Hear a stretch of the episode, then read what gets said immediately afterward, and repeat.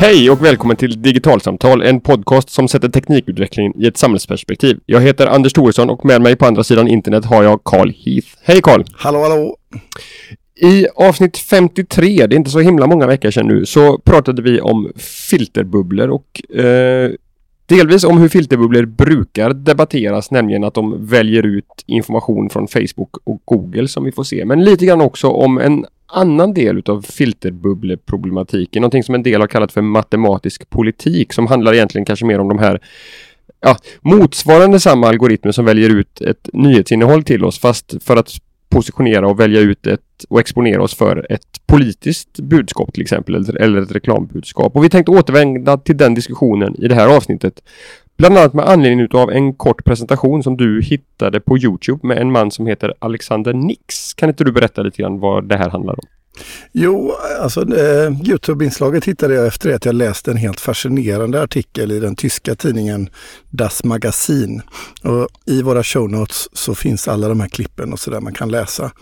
Eh, men där fick jag höra talas om ett företag för första gången som jag inte hört talas om innan, som heter Cambridge Analytica och som har en VD som heter Alexander Nix. Och hela historien bakom det här företaget och VDn och vad de har gjort, eh, bland annat eh, i Trumps kampanj, är fascinerande och väcker en mängd frågor om hur man kan se på politik och att driva politiska kampanjer Eh, framöver. Så därifrån är så att säga bakgrunden. Och det hela går tillbaka ganska bra bit. Eh, den första gången som jag snubblade på en av namnen var faktiskt i våras när eh, journalisten Katarina Le äh, Andersson, eh, som då var på Aftonbladet, eh, träffade och intervjuade en forskare på Stanford som hette Michal Kosinski. För vad han var i ropet för i våras, det var att han hade ett eh, forskningsarbete inom vad som kallas för psykometri. Där, psykometri? Psykometri, ja. Där han har tagit fram en slags personlighetsmodell som man har mappat på eh, mycket data, framförallt ifrån Facebook. Och vad det här hur det funkar då, det är att han med hjälp av vad jag gillar och annan data på Facebook kan göra eh, förutsägelser om en individs personlighetstyp. Och i det här fallet så blev han känd för att han hävdade att han med ungefär 60 likes på Facebook kunde tala om en persons sexuella preferenser. Och vad som då kopplar detta till partitisk, politiska partier och, och, hela det här, det är att Kosinski jobbade eh, tidigare ihop med en annan forskare, en associate professor, som heter Alexander Nix. Och som då, efter att ha eh, lärt sig av Kosinski och Kosinskis forskning och arbete, lämnar Kosinski för att eh, börja jobba för ett företag istället. Håll, håll lite där Karl, för att innan, innan vi går vidare och pratar om vad det egentligen är Alexander Nix och eh, hans företag gör så, så vill jag ändå begripa lite mer utav det du säger om, om eh, Michel Kosinskis forskning. Det, det, handlar alltså om att utifrån någonting som jag gör, nämligen vilka likes jag gör på Facebook eh, med tillräckligt mycket data om mina och andra Facebook-användares liksom, aktiviteter på, på det sociala nätverket så går det att dra slutsatser om min sexuella läggning eller andra aspekter utav mig som, som individ. Mina ta tankar ja, och precis. funderingar kanske och så vidare. Uh, och vad det som Kosinski kan se i sin forskning det är att han kan uh, göra personlighetsbedömningar baserat på data, ofta betydligt mycket bättre än vad människor gör om andra människor. Eh, så det, hela det här fältet psykometri har vuxit väldigt mycket på ganska kort tid som jag förstått det.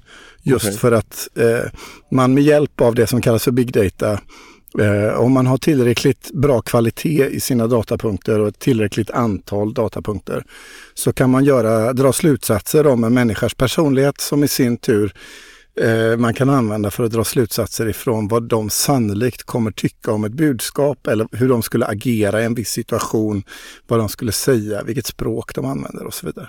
Okej, okay, men Alexander Nix han, han, har jobbat ihop med Michal Kosinski och sen lämnat den akademiska världen och startat ett företag som heter Cambridge Analytica? Nej, inte riktigt så enkelt utan för att komplicera det hela lite mer då så valde han att gå över till ett företag som heter eh, Eh, SCL. Eh, och SCL är ett företag som dök upp i Panama Papers, det här eh, Wikileaks-läckan om eh, finansiella eh, smussligheter eh, som kom för några år sedan. Och där kunde man läsa om SEL som är ett företag som eh, var, en mängd människor står bakom det som har en ganska så dubiös bakgrund för att ha eh, jobbat med ganska så smutsiga affärer i utvecklingsländer och ägnat sig åt psykologisk manipulation i Afghanistan och andra saker. Och det här SCL-företaget som Alexander Nix då eh, började jobba för har ett dotterbolag som heter Cambridge Analytica och det är det företaget som nu Alexander Nix har blivit VD för och där han använder samma metoder som Kosinski fast för politisk påverkan. Och här handlar det då om att utifrån, gissar jag då, utifrån vad jag gör på Facebook kunna mappa in mig i en betydligt smalare demografi än vad som har varit möjligt med, med traditionella metoder och då också med hjälp av teknikens hjälp rikta ett väldigt eh, smalt budskap till mig och de fåtal andra personer som är ungefär som jag är. Ja, det här är ju på ren individnivå då. Mm. Så all tidigare eh, form av eh, politisk påverkan har ju varit gruppbaserad egentligen. Eh, man sätter upp stora skyltar eh, och gör saker. Och de, de, grupperna kan i och för sig vara ganska små. Men likväl så gör man antaganden på gruppnivå. Men det som är unikt som jag förstår det med eh, den här metodiken, det är att man kan gå ner på individnivå. Så att om jag får ett budskap ifrån ett politiskt parti eh, och min sambo får eh, ett budskap så skulle de vara olika. Och man jobbar också med så kallad A-B-testning på individnivå. Så man kan pröva liksom, hur orden ska ligga i ett brev för att jag ska känna mig mest trygg att ta emot detta. Eh, så som exempel som Alexander Nix själv har, eh, det är eh, i Trump-kampanjen där man då vill berätta att Trump är för eh, en mer liberal vapenlagstiftning i Texas. Och då selekterar man först ut de individer som har en sannolikhet att rösta på Trump, men som antagligen inte kommer göra det. Och baserat på den gruppen då, eller i den gruppen, så delar man upp den och tittar på hur ser de olika individerna ut i den här populationen? Vad har de för personligheter?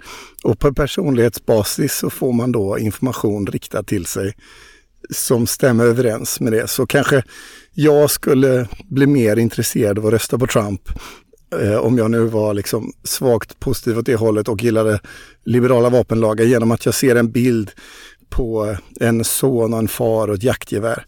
Medan min sambo kanske eh, triggar mer på en mer eh, rationell och logisk eh, reklam eller vad det nu kan vara för någonting. Okej, okay, så det handlar inte bara om att man identifierar vilka frågor som vissa individer tycker är viktiga utan också på sättet som man bör kommunicera om den här frågan för att öka sannolikheten för att fånga den här individens intresse. Så det är liksom en tvåstegsraket här på något sätt. Jajamän. Det är ju dels budskapen i sig men i ännu högre utsträckning hur de här budskapen uttrycks, vilka ord man använder, vilka bilder man använder, vilka metaforer man använder, vilken känsla man förmedlar. Är det här en logisk och rationell fråga eller är det här en empatisk vädjan? Eller liksom vad är det jag, min personlighet triggar mest på att ta emot? Så det är en väldigt, väldigt utstuderad form av eh, påverkansarbete där man jobbar både med liksom format och innehåll, liksom alla olika aspekter av budskapet kan man säga. Alltså det, det som ska sägas här, liksom för den fortsatta diskussionen, det är ju att, att väldigt mycket av det som, som vi diskuterar här är ju sånt som Alexander Nix själv har stått bland annat på en scen och, och, och påstått. Det är, det är, inte fullt ut eh, verifierat att han har haft så stor påverkan på det amerikanska presidentvalet som man säger. Men, men att, att det går att göra saker i den här riktningen, om det råder det väl ingen tvekan tänker jag. Nej, att det går, det är vi ju ganska säkra på. Eh, och det är det som gör att hela det här psykometriområdet har blivit så intressant. Men precis som du är inne på så i vilken grad just Cambridge Analytica har lyckats utnyttja de här teorierna och sätten att arbeta på för att omsätta det i väljare till Trump och andra kampanjer, det vet vi mindre om. Mm. Men vad, vad, vad, tänker du om det här då? Är det, är det här bra eller är det dåligt eller finns det liksom inte ett, ett tydligt svar på det utan bara ett, ett konstaterande av att vi är på väg in i en ny form av politisk liksom, kommunikation? Jag skulle nog tro det senare. Alltså till att börja med så får man lite den här liksom foliehatten på sig, eller i varje fall jag får det. Eh, I den meningen att det väcker ju på en gång en mängd frågor som inte självklart har ett enkelt eh, svar. Eh, för jag tänker så här att politiska partier formades ju i en tid eh, då det var svårt att nå ut med budskap till en hel population. Och man behövde en folkrörelse eller ett stort parti bakom sig fullt av människor utspridda i den geografi som partiet verkar i för att kunna nå ut till varje stuga, knacka dörr, hålla tal på torget och så vidare. Eh, och partiet kom överens om ett partiprogram, en mängd gemensamma saker som man vill förmedla till alla. Och sen så gör man det och man förenklar det hela en hög. Men vad som den här typen av teknologi innebär det är ju att man så att säga i vissa avseenden ersätter den här gräsrotsrörelsen och folkrörelsetanken med en hel hoper algoritmer som i något avseende kan vara bättre på att övertyga en individ än den där dörrknackaren någonsin kan vara. Om inte annat kan den vara oerhört mycket mer effektiv eftersom man kan eh, bombmatta ut eh, budskap massor av gånger och tweaka och mecka med det på ett sätt som eh, dörrknackning eller analoga traditionella eh, metoder har svårt att konkurrera med. Så det skiftar ju fokus ifrån folkrörelsepartiet och liksom samtal, samtalet, det politiska samtalet till ett slags eh, förmedlingsorienterat eh, top-down perspektiv i partiet. Där det handlar om att, så att säga, skräddarsy ett individuellt budskap för en individuell person. Och om man extrapolerar det och drar det till sin spets, vilket ju troligtvis inte skulle hända, men för, för tankeexperimentets skull. Vad händer i en konstruktion där de politiska partierna erbjuder oss individbaserad information Eh, och där jag inte vet vad du har tagit emot för kunskap eller bakgrund. Och där det så att säga inte finns ett gemensamt samtalsutrymme att grunda det politiska samtalet på. Där min uppfattning om någonting är helt skräddarsydd för mig och din uppfattning blir helt skräddarsydd för dig.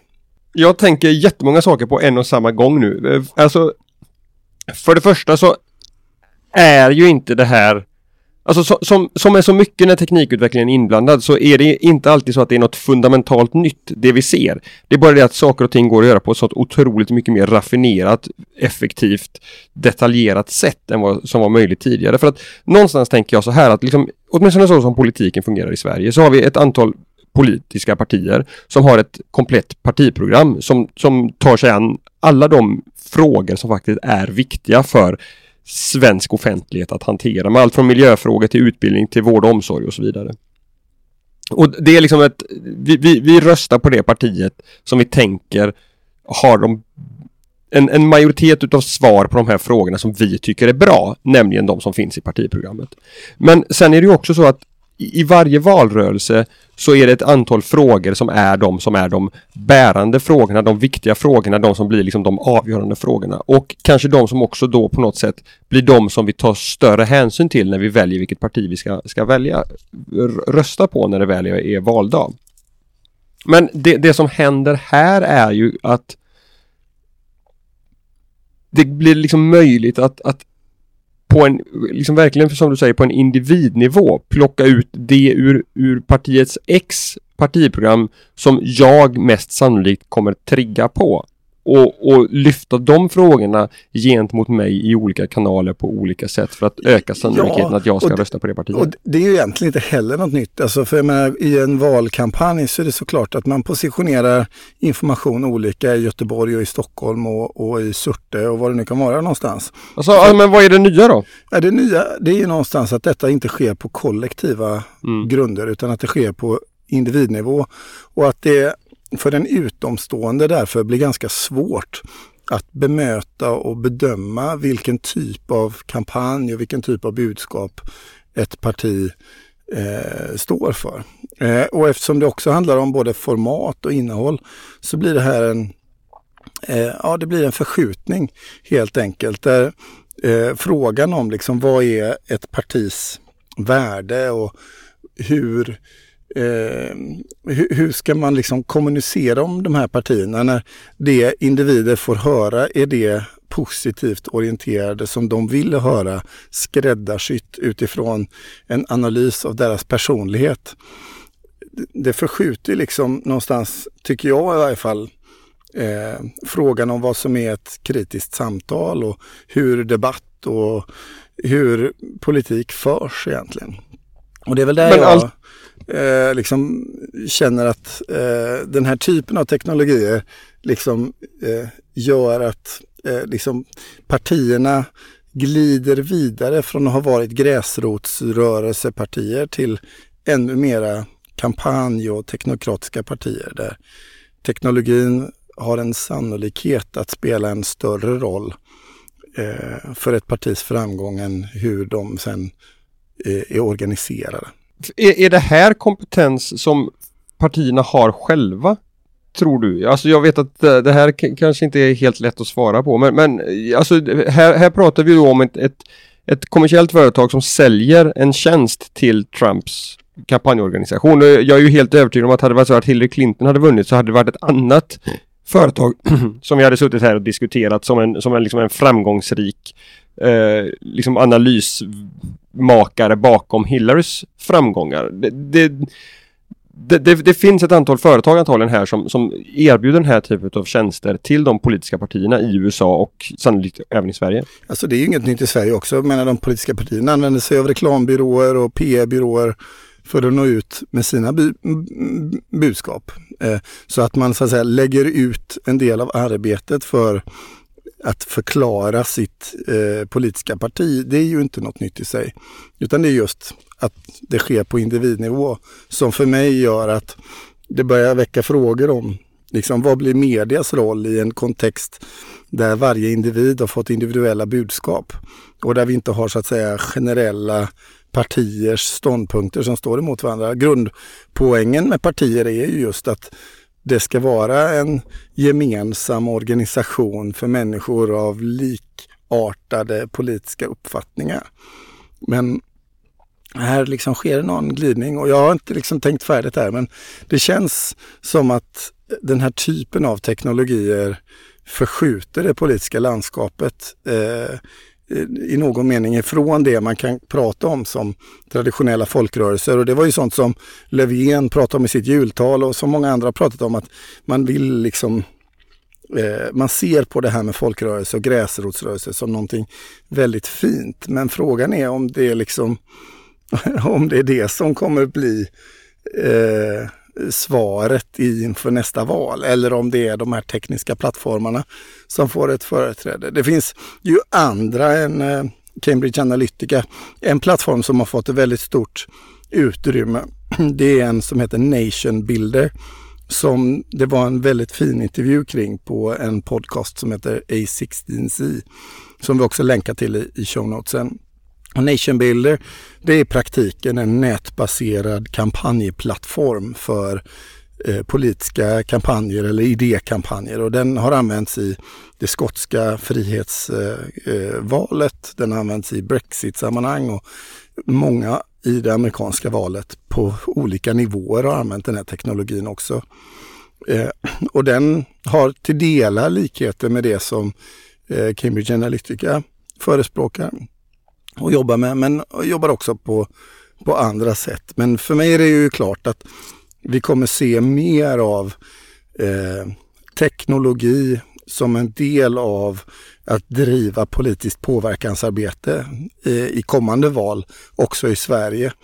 Eh, men jag har än så länge i den så att säga, generella politiska diskussionen hört ganska lite om de, både de här företagen och idéerna och hur man ser att teknologin kan förändra vår relation till partier och att välja. Så är det ju, men, men det som jag slogs utav när jag dels tittade på eh, Alexander Nix när han stod på scenen och presenterade sitt bidrag till amerikanska kampanjen, men också när jag hörde på intervjun med, med Nation Builder, det är att det, det går också att att bygga olika typer av historier kring de här verktygen. Där, där, där jag håller med om att Alexander Nix presentation är, alltså den, den ger mig kalla kårar, så, så är det ju bara. Medan, eh, nu har jag tappat namnet på, på, på Nation Builder personen som var intervjuad utav A16C, eh, men där, där, i den intervjun så pratas det ju om, om internet som ett sätt att, att spräcka filterbubblan till att börja med. Eh, vilket ju jag också kan, kan se att den, den debatten är, är vi på väg att tappa lite grann nu. Vad, vad, vad, internet kan göra för att spräcka liksom gamla filterbubblor. Att, att vara uppväxt på en liten ort någonstans där, där det är en väldigt så samsyn på hur saker och ting ska vara och tolkas och diskuteras. Att nätet kan innebära en väg ut från det. Men också i Nationbuilder-intervjun där Nationbuilder ser sig lite grann som att man demokratiserar hela det politiska spelet igen därför att de sänker kostnaderna för att nå ut, för att bygga en, en väljarbas och så vidare. Och det är därför de har valt namnet Nationbuilder därför att var och en ska kunna bygga sin egen nation inom citationstecken med väljare som, som man når ut till. De, det är ett amerikanskt företag, de vänder sig i första hand till amerikanska politiker men där, där liksom är ett, är ett problem att, att få, få, få liksom listor över vilka som är, är röstberättigade och så vidare. Det, det är någonting som Nationbuilder tillhandahåller för en väldigt låg kostnad säger de själva. Så det, det, finns ju också liksom Även här är, är det väldigt komplext. Jag, jag, jag, är liksom just nu lite mer åt, åt liksom kalla kårar hållet men, men det finns liksom helt uppenbart andra sätt att spinna storyn kring de här verktygen också. Ja men så är det verkligen. Alltså Nationbuilder som företag de har verksamhet i 98 länder eh, med över 8000 eh, eh, eh, klienter. Och de har ju alltifrån Labourpartiet till eh, Eh, Amnesty International på sin kundlista. Eh, så det är liksom en bred eh, produkt om man jämför med det som Cambridge Analytica gör. Och precis som du är inne på så ger de här två företagen och när man hör eh, pratas om dem två väldigt olika bilder av vad detta innebär. Eh, samtidigt som de i vissa avseenden har, har ganska stora likheter som jag kan tolka det i varje fall. Men Nationbuilder de bygger ju mycket på det, precis som du är inne på, att vem som helst med hjälp av den här plattformen till en liten kostnad kan få hjälp och stöd med att driva en stor politisk kampanj. Eh, och för att så att säga skapa level playing field eh, mellan de som har resurser och de som inte har det. Eh, och det är ju ett något annorlunda budskap än det som Nix eh, för på scen eh, och vad han förestår. Så, så det är helt riktigt att det är ett stort spektra. Och jag kan känna för egen del att eh, när man ser och hör om den här typen av teknologier så känns det som att vi eh, kommer ha det som en självklarhet i eh, politiskt påverkansarbete av olika slag längre fram eh, och eh, i kommande val. Eh, men jag kan lite grann fascineras över hur lite vi hör om de här. För sett ur mitt perspektiv, menar, man köper ju de här tjänsterna för att man tror att de funkar. Och de funkar på det sättet att de bidrar till påverkan. Då borde de ju rimligen också vara värda ett, en studie och värda ett vidare intresse också utifrån ett politiskt perspektiv och inte nödvändigtvis som i vårat fall mycket från ett teknikperspektiv. Nej, nej men så är det ju. Sen, sen tänker jag, här finns ju en, en annan aspekt som är intressant att fundera på också och det är ju liksom de här tjänsterna, de här funktionerna, de här analysverktygen måste ha data att analysera. Och, Absolut. Och det alltså måste det, ha det, tillräckligt bra kvalitet också. Ja, men det säger men... ju Nix. Alltså, han säger att nej, men det här är ju data som folk ger bort. Och det gör man ju genom cookies som man lämnar ifrån sig på nätet och genom att fylla i eh, personlighetstester på Facebook och vad det nu är för någonting. Va? De skryter med att de har över 5000 datapunkter på varje amerikan. Eh, och som de har på olika sätt lämnat ifrån sig på egen hand. Liksom. Vilken kyrka de går i, eh, vad de gillar för glassmärken, var de bor och så vidare. Och så vidare. Och, eh, så data och, är ju Och här kan jag känna viktigt, att det liksom. liksom snart behövs en ordentlig diskussion om hur ska den här datan faktiskt få lov att användas. För det handlar ju inte bara om hur politiska partier kan använda den för att, för att liksom göra sig mer valbara. Utan det här är ju liksom kommersiell marknadsföring. Det är ju allt möjligt som Alltså de, de här, som du säger, de här verktygen används ju inte bara i, i i ett, i ett amerikanskt presidentval eller i ett svenskt riksdagsval utan de, de här att, att kunna ta reda på så mycket saker om mig som individ utifrån vilka aktiviteter jag gör på nätet. Jag, jag tror inte att vi riktigt förstår faktiskt hur lätt det är att göra de här analyserna när datamängderna blir tillräckligt stora. Nej, och så, sen är det också sådär, alltså vi vet ju det att eh, eh, Eh, en enkel vardag och lätt eh, och förenklade processer eh, trumfar för de allra flesta människor integritet i de allra flesta fall. Är det någonting jag gör och jag här och nu vill göra det lätt för mig genom att dela lite data, då kommer jag välja det. För jag ser inte vid det enskilda tillfället vad det innebär. Men det är klart, när det aggregeras på större nivå, när det används på andra sätt, så kan det mycket väl vara som du säger att man kanske skulle ställa sig tveksam till hur den där datan eh, används och om man verkligen vill det. Eh, Fast men alltså, jag det- menar utifrån så som internet är designat och hur sociala medier är designat och hur vi lever i en del av kultur som vi också mår för det mesta oerhört bra av och som är väldigt utvecklande så är det här en inte helt okomplicerad fråga. Nej, för, för det går ju också att lyfta den ovan den liksom individuella nivån. Det här kan jag ha pratat om i podden tidigare eller så är det i ett annat sammanhang jag har pratat om det. Men, men ett antal cancerforskare visade ju i somras hur man utifrån sökningar på sökmotorer, på Bing i det här fallet, Microsofts sökmotor, går att bygga ett early warning system, eller vad man ska säga early detection system, för vissa typer av svårdiagnostiserade cancerformer. Därför att man börjar, visar det sig när man har tillräckligt mycket stor data från tillräckligt många eh, användare, söka på väldigt eh, diffusa symptom. Ja, så det aggregerat gör att man får en profil som blir liksom förhållandevis unik då. Precis, och, och att det då kan faktiskt visa att du kanske skulle söka till en, en läkare som får ta några av de här blodproverna på dig för att kolla ifall du har den här svåra sjukdomen.